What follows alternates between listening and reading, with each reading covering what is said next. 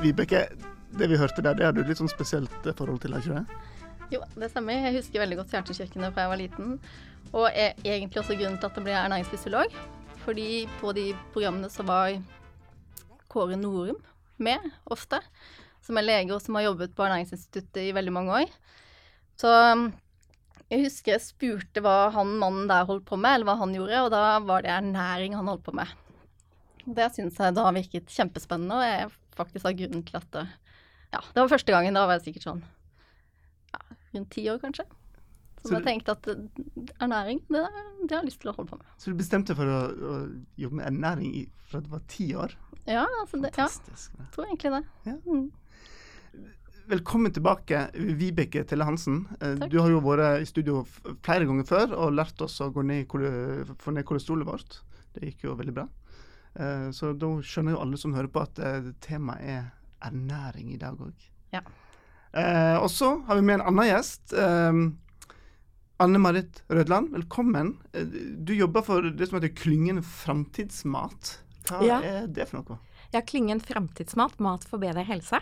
Det består av eh, eh, forsknings- og kunnskapsaktører, næringsmiddelindustri og andre som er opptatt av å eh, utvikle sunnere mat.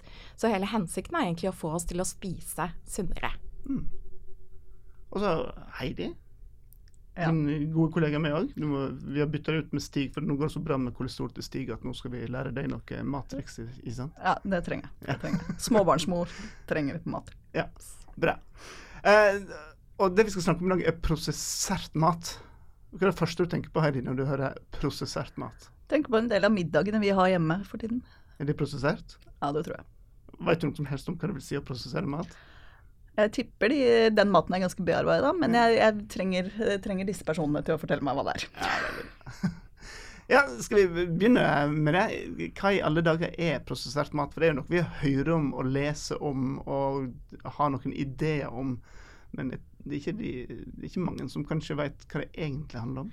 Eh, Prosessert mat det betyr jo at man har bearbeidet maten på en, eller annen måte. Så det handler om enten eh, prosessen, altså f.eks. varmebehandling, eh, tørking, pulverisering under høyt trykk osv. Eller at man tilsetter, altså bruker tilsetningsstoffer i maten for å oppnå en effekt, som smak eller holdbarhet osv. Så, videre. så der har du jo hele skalaen, da. Fra minimalt råvarer og minimalt bearbeida helt opp til svært bearbeida. Mm. Hvis du skal komme med noen eksempler fra, fra kjøkkenskapet vårt, uh, uh, hva, hva er ikke-prosessert, og hva er prosessert? Altså frukt og grønnsaker, et rent kjøttstykke, det er jo ikke prosessert mat. Uh, syltetøy, brød, eh, melk. Det er eksempler på, på prosessert mat som har gått gjennom en, en, en prosess. Og så er det da et begrep som jeg har lest som heter ultraprosessert eh, mat. Hva er det hva som har skjedd da? Ja, Det er et nytt begrep som har kommet. Det er noen som har utarbeidet en, en klassifisering hvor man klassifiserer mat fra minimalt eller, og uprosessert til ultraprosessert. Så det handler egentlig om graden av prosessering. Hvor den ultraprosesserte er den maten som er mest prosessert. Har du et eksempel på sånn ultraprosessert mat? Eh, ferdigmat. Um, leskedrikker, sjokolader, ferdigkaker. Det, ja, det er eksempler. Mm. Og eh, ja, margarin, for eksempel. Ja. Ja, det er ultraprosessert. Mm -hmm. det, det, tanken var vel å prøve å nettopp skille litt mellom grad av prosessering. Men i hoved... Og det mangler en veldig god definisjon på hva ultraprosessert mat er. Men sånn veldig grovt så er det mat som har vært igjennom en, eh, industrien, egentlig, da. Fordi brød bakt hjemme, det er, går ikke inn i ultraprosessert. Men ferdigbrød som du kjøper i butikken, kan gå inn i den gruppa. Men hva skal man se etter som forbruker, da? Altså Hvordan ser man på pakningen til et brød f.eks. om det er ultraprosessert eller ikke? Jeg syns det er ganske, ganske vanskelig um, å skille på prosessert og ikke-prosessert. Um, det sies også at uh, ultraprosessert mat inneholder mange ingredienser som du normalt ikke har i uh, kjøkkenskapet. Så, men um, Ja, jeg spiste en eh, ferdigmiddag for ikke så lenge siden. Eh, tok opp pakningen og så på den, og der er det 21 ingredienser. Og det meste av det som står på den pakningen, er ting jeg selv ville brukt når jeg lager den, den middagen. Det var tre mm, Skal vi se, jeg kan finne de. Det var tre ingredienser som jeg ikke har i kjøkkenskapet. Og det er modifisert maisstivelse, aroma og appelsinjuicekonsentrat. Men lager jeg den middagen selv, så vil jeg også bruke sauser som består av forskjellige ingredienser. Så da kan det godt tenkes at jeg finner, finner de. Så det er jo egentlig ganske likt som det jeg lager selv. Ja.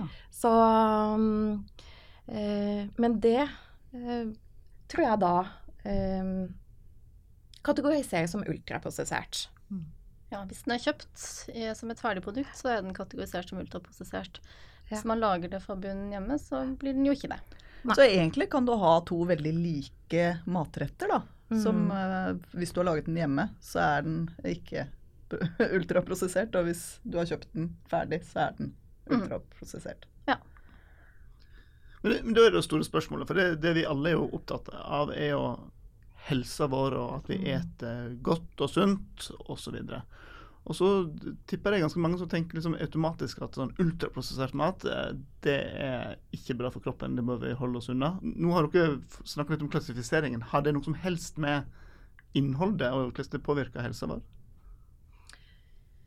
Eh, Ja, altså i den gruppen nei, eh, ultraprosessert så inngår det også ganske mange matvarer som ifølge våre kostholdsråd også defineres som usunne, som typisk sånne fastfood-produkter som inneholder mye eh, fett og, og sukker. Um, men det er også produkter som ikke defineres som eh, usunne i forhold til eh, kostholdsrådene. Jeg kan jo f.eks. Eh, bruke råvarer som er lite prosessert, og sette sammen til en, en eh, søt og kremete kake. Og få da et, eh, et lite Et produkt som eh, klassifiseres som lite prosessert.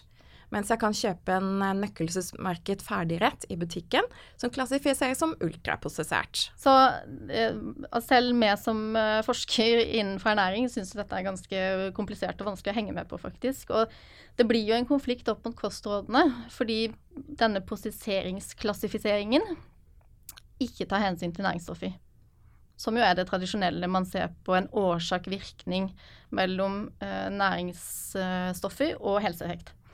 Og det betyr sånn som Anne Marie sa, at eh, når kostrådene våre anbefaler oss å spise lite fint mel og fine kornprodukter, og bytte ut det med heller grove kornprodukter pga. en bedre helseeffekt, så vil ikke nå, eh, klassifiseringen her, prosesseringsklassifiseringen, si noe om det. Snarere tvert imot. Altså fine kornprodukter eh, laget hjemme helt OK og, og vil være sunt i forhold til den klassifiseringen, mens kostrådene jo sier ikke det. Tilsvarende sier kostrådene at man ønsker å redusere på inntaket av helfete meieri- og kjøttprodukter, inkludert da øh, å heller bytte ut smør med margarin, fordi det inneholder Altså for å få ned inntaket av metta fett, og heller øke inntaket av umettet fett.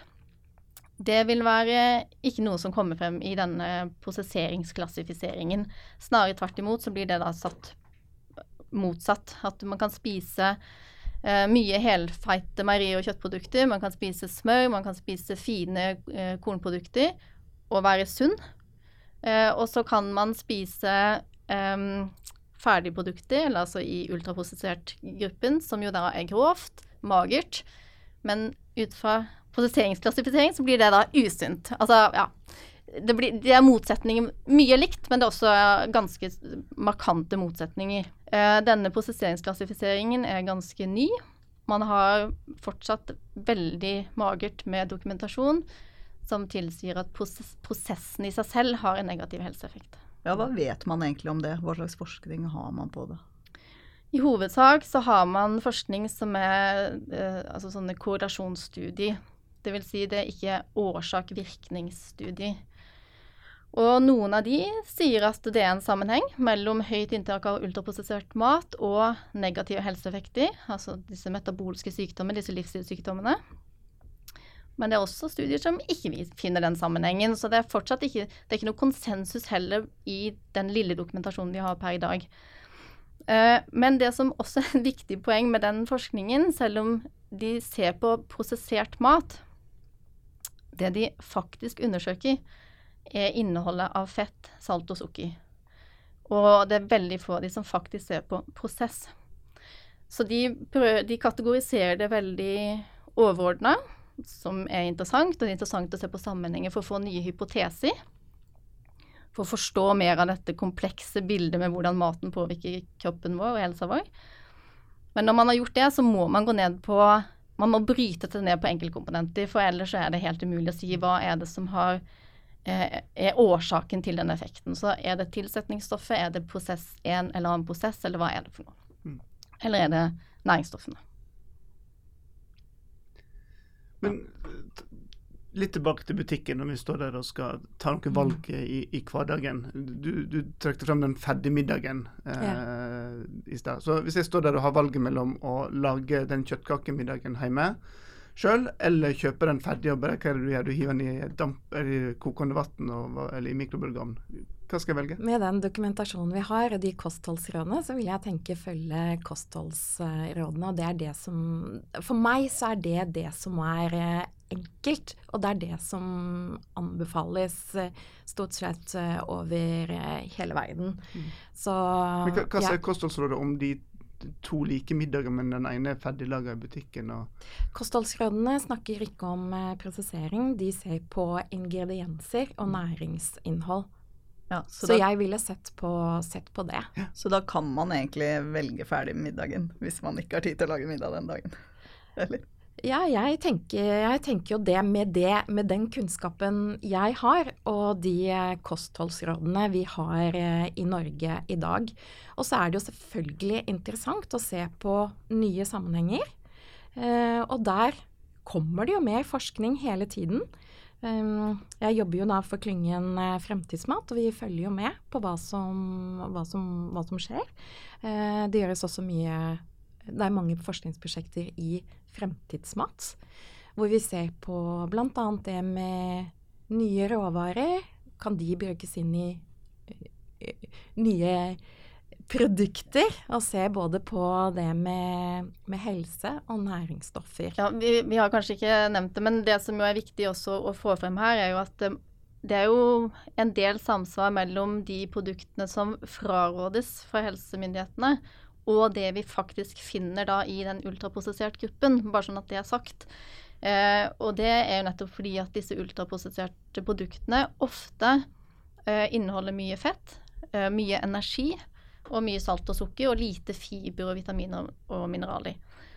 Så, så, ja, så det er jo viktig at det, mange av disse produktene vil jo havne i Eller sikkert mange av de aller fleste vil havne i den kategorien, men så er det noen sånne ting som um, uh, ikke gjør det, da, sånn som vi sa f.eks. margarinsmør og fint versus grovt mel og dette.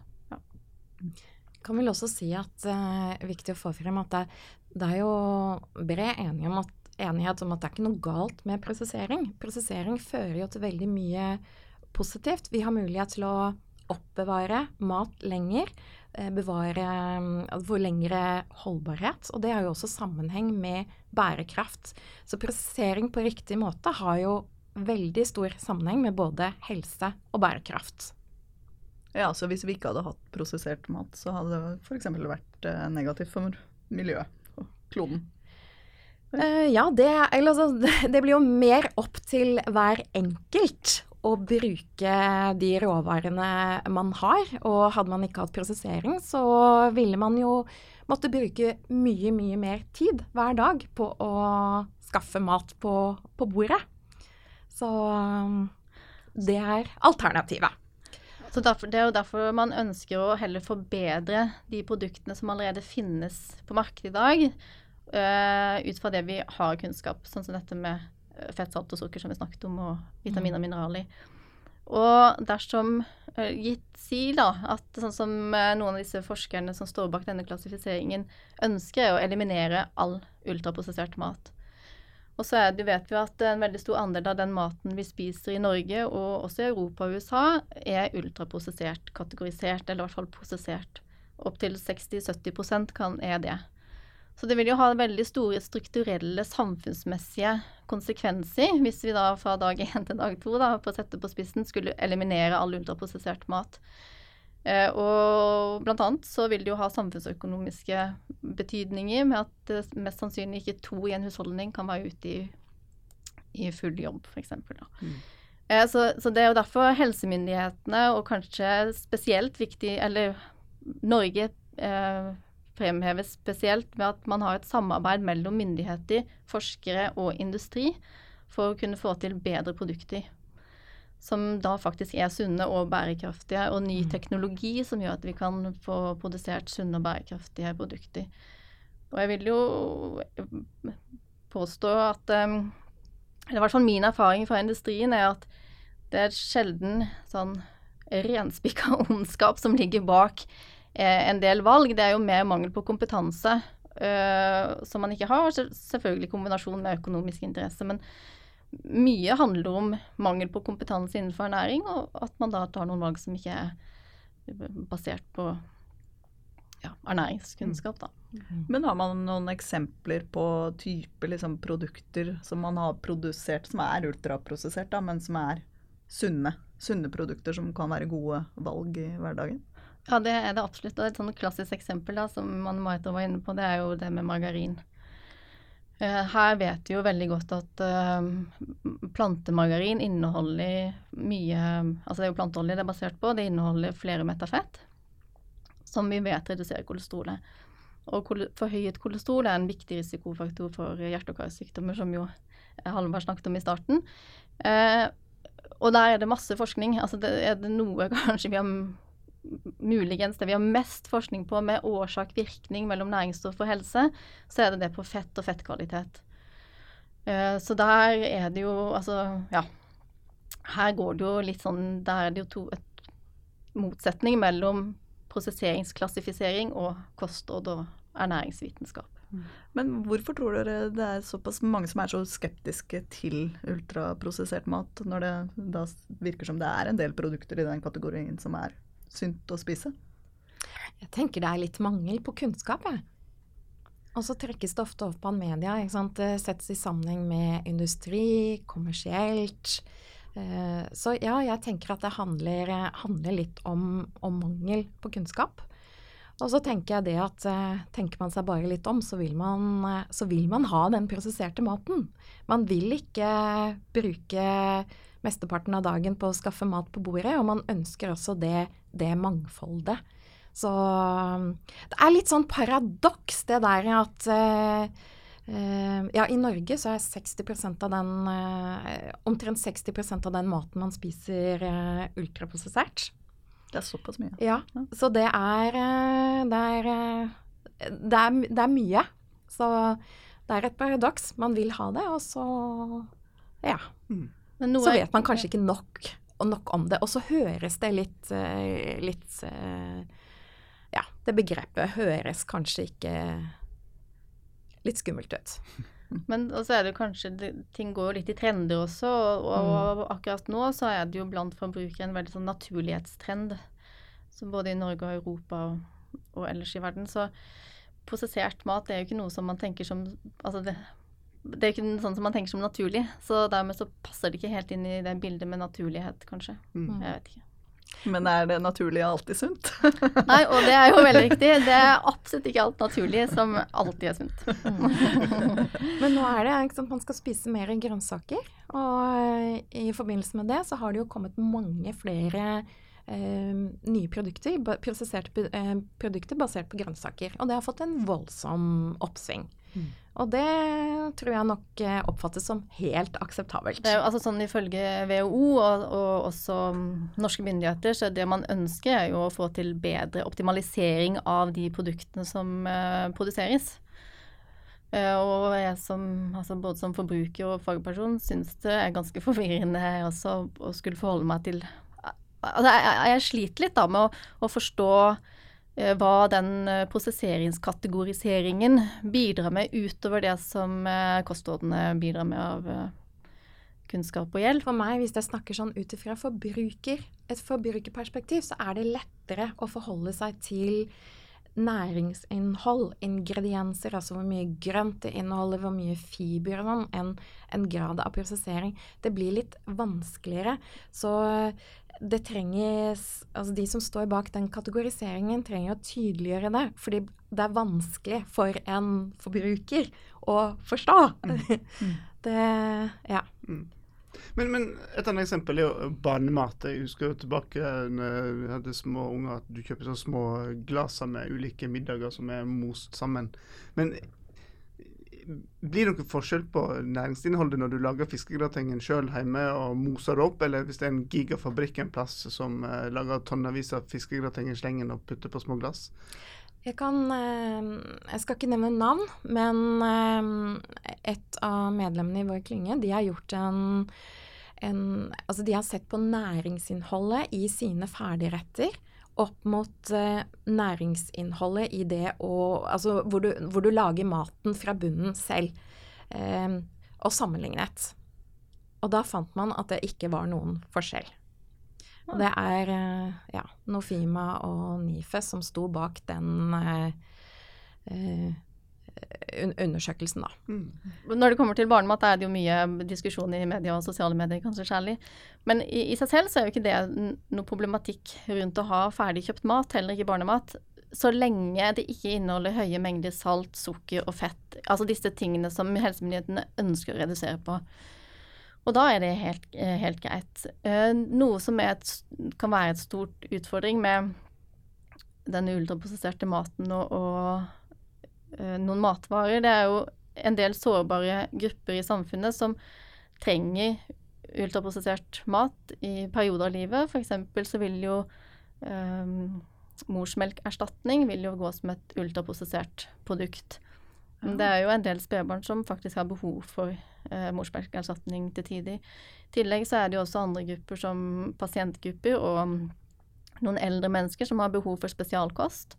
Det vil jeg også da kategorisere innunder ultraprosessert, selv om de innfrir på kriteriene fra myndighetene med dette med redusert eh, fett, salt og sukker, og inneholder mye viktige næringsstoffer. Da. Mm. Mm.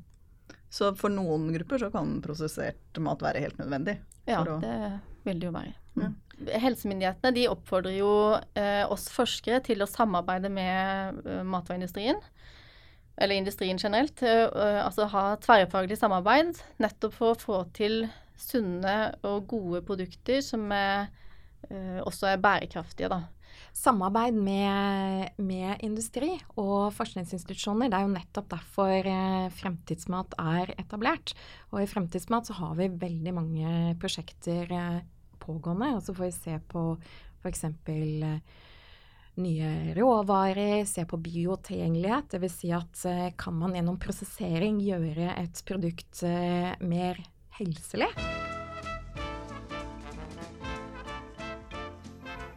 Brød. Hva var det dere sa der om, eh, om graden av prosessering? Altså, Hvis du kjøper brød i butikken? Ja, Hvis det er et brød som er masseprodusert, så havner det så er, kategoriseres det som et ultraprosessert brød. Nettopp. Og hvis det er et brød som ikke er masseprodusert, så er det ikke ultraprosessert. Jeg syns akkurat det er litt vanskelig eh, å se forskjellen ja. på det. Så um, ja. Som, som foreldre så har jo lyst til å gi brød med alle, alle fire rutene dekka til mm. barna sine. For de gangene jeg har prøvd å lage grovbrød, så er det som stein. Så da går det jo for uh, ultraprosessert mat for å få inn barna da, den fiberen og korna de skal ha. Og da høres det ut som det, da er vi godt innafor og uh, helserådet til myndighetene. Ja. Mm. Takk. Men er det noe man kan se etter spesielt, altså blant kjøpebrødene? Altså, det som disse, det snakkes om i disse prosesseringsklassifiseringene, er jo at man ønsker færrest mulig ingredienser. Og det er vel særlig tilsetningsstoffer man i hovedsak ønsker, sånn som Anne Marit snakket om, at det som ikke naturlig finnes i kjøkkenskuffen mm. eller skapet ditt, uh, det skal man da ha minst mulig av. Men der er det, det er jo der den logiske bristen kommer inn, i hvert fall for min del, fordi man har jo ikke studier som sier noe om prosesseringen i seg selv, eller i hvert fall svært få. I tillegg når det gjelder tilsetningsstoffer, så er det jo veldig strenge kriterier i Norge og i Europa på hvilke man kan bruke, og i hvor store mengder. Og det er jo basert på forskning. Og her gjøres det jo jevnlig sånne oppsummeringsrapporter. Både i Norge via den VKM, og også i EFSA, altså Europas mattilsyn. Nettopp for å sikre at de mengdene man bruker, og de tilsetningsstoffene man bruker, ikke skal forårsake sykdom eller ja, sykdom og uhelse da, hos forbrukeren. Så, så, det på tilsetningsstoffer vil jeg tenke at der har man veldig mye kompetanse og kunnskap. Man kan alltid få mer. Når det gjelder prosessen i seg selv, så har man kanskje ikke så mye kompetanse, men da tenker jeg at det er jo det vi må se på. Et eksempel har vi på det, og det er jo det som eh, kalles eh, delvis hydrogenering av fett. Og det er jo den metode man brukte tidligere for å produsere margarin. Eh, da, der har man jo funnet ut gjennom tradisjonell ernæringsforskning at eh, det er svært ugunstig fordi det produserer det som kalles transfettsyre. Og det vet vi at øker kolesterolet. Men dette her er jo noe man fant ut for over 20 år siden, og som jo er eliminert fra eh, matvareproduksjon i Norge. Eh, for lenge siden. Mm. Så det, det, er jo ikke en problematikk som er reell lenger, og det er heller ikke noe som har kommet frem ved hjelp av denne prosesseringsklassifiseringen. Og det er jo gjennom tradisjonell forskning på næringsstoffene. Konferanse. Ja. Dette er jo et tema dere skal snakke mer om denne høsten. Ja, det er det. Det er jo et veldig spennende tema. Og det har sammenheng med helse og bærekraft. Og nettopp prosessering vil bli belyst fra ulike vinkler um, på konferansen. Så vi ser fram til en håp, håper på bra diskusjon. Og det 18.9 er konferansen. Og da kommer bl.a. Michael Gibney, som er uh, internasjonalt en av de store innen ernæringsforskning. Så det gleder vi oss veldig til. Mm. Og jeg gleder meg også sånn forskningsståsted, for det må bare få sagt at det, eh, man ønsker jo all ny kunnskap veldig velkommen. Så, og hvis det er sånn at noe med prosessert mat faktisk har en helseugunstig effekt, så er vi jo både som forbruker og industri og myndigheter alle veldig interessert i å få den kunnskapen frem. Så vi trenger bare mer forskning på helse og ernæring. Altså, ja, nå, altså her, ok, nå har vi jo lært uh, ganske mye om uh, prosessert og ultraprosessert mat. Men uh, det er jo også tydelig at det er litt sånn usikkerhet, og det er ikke nok forskning og sånn. Altså, hva slags råd vil dere gi til forbrukerne som står der ute i butikken? Hva bør man tenke på? Jeg tenker følge, følge kostholdsrådene. De er godt dokumentert.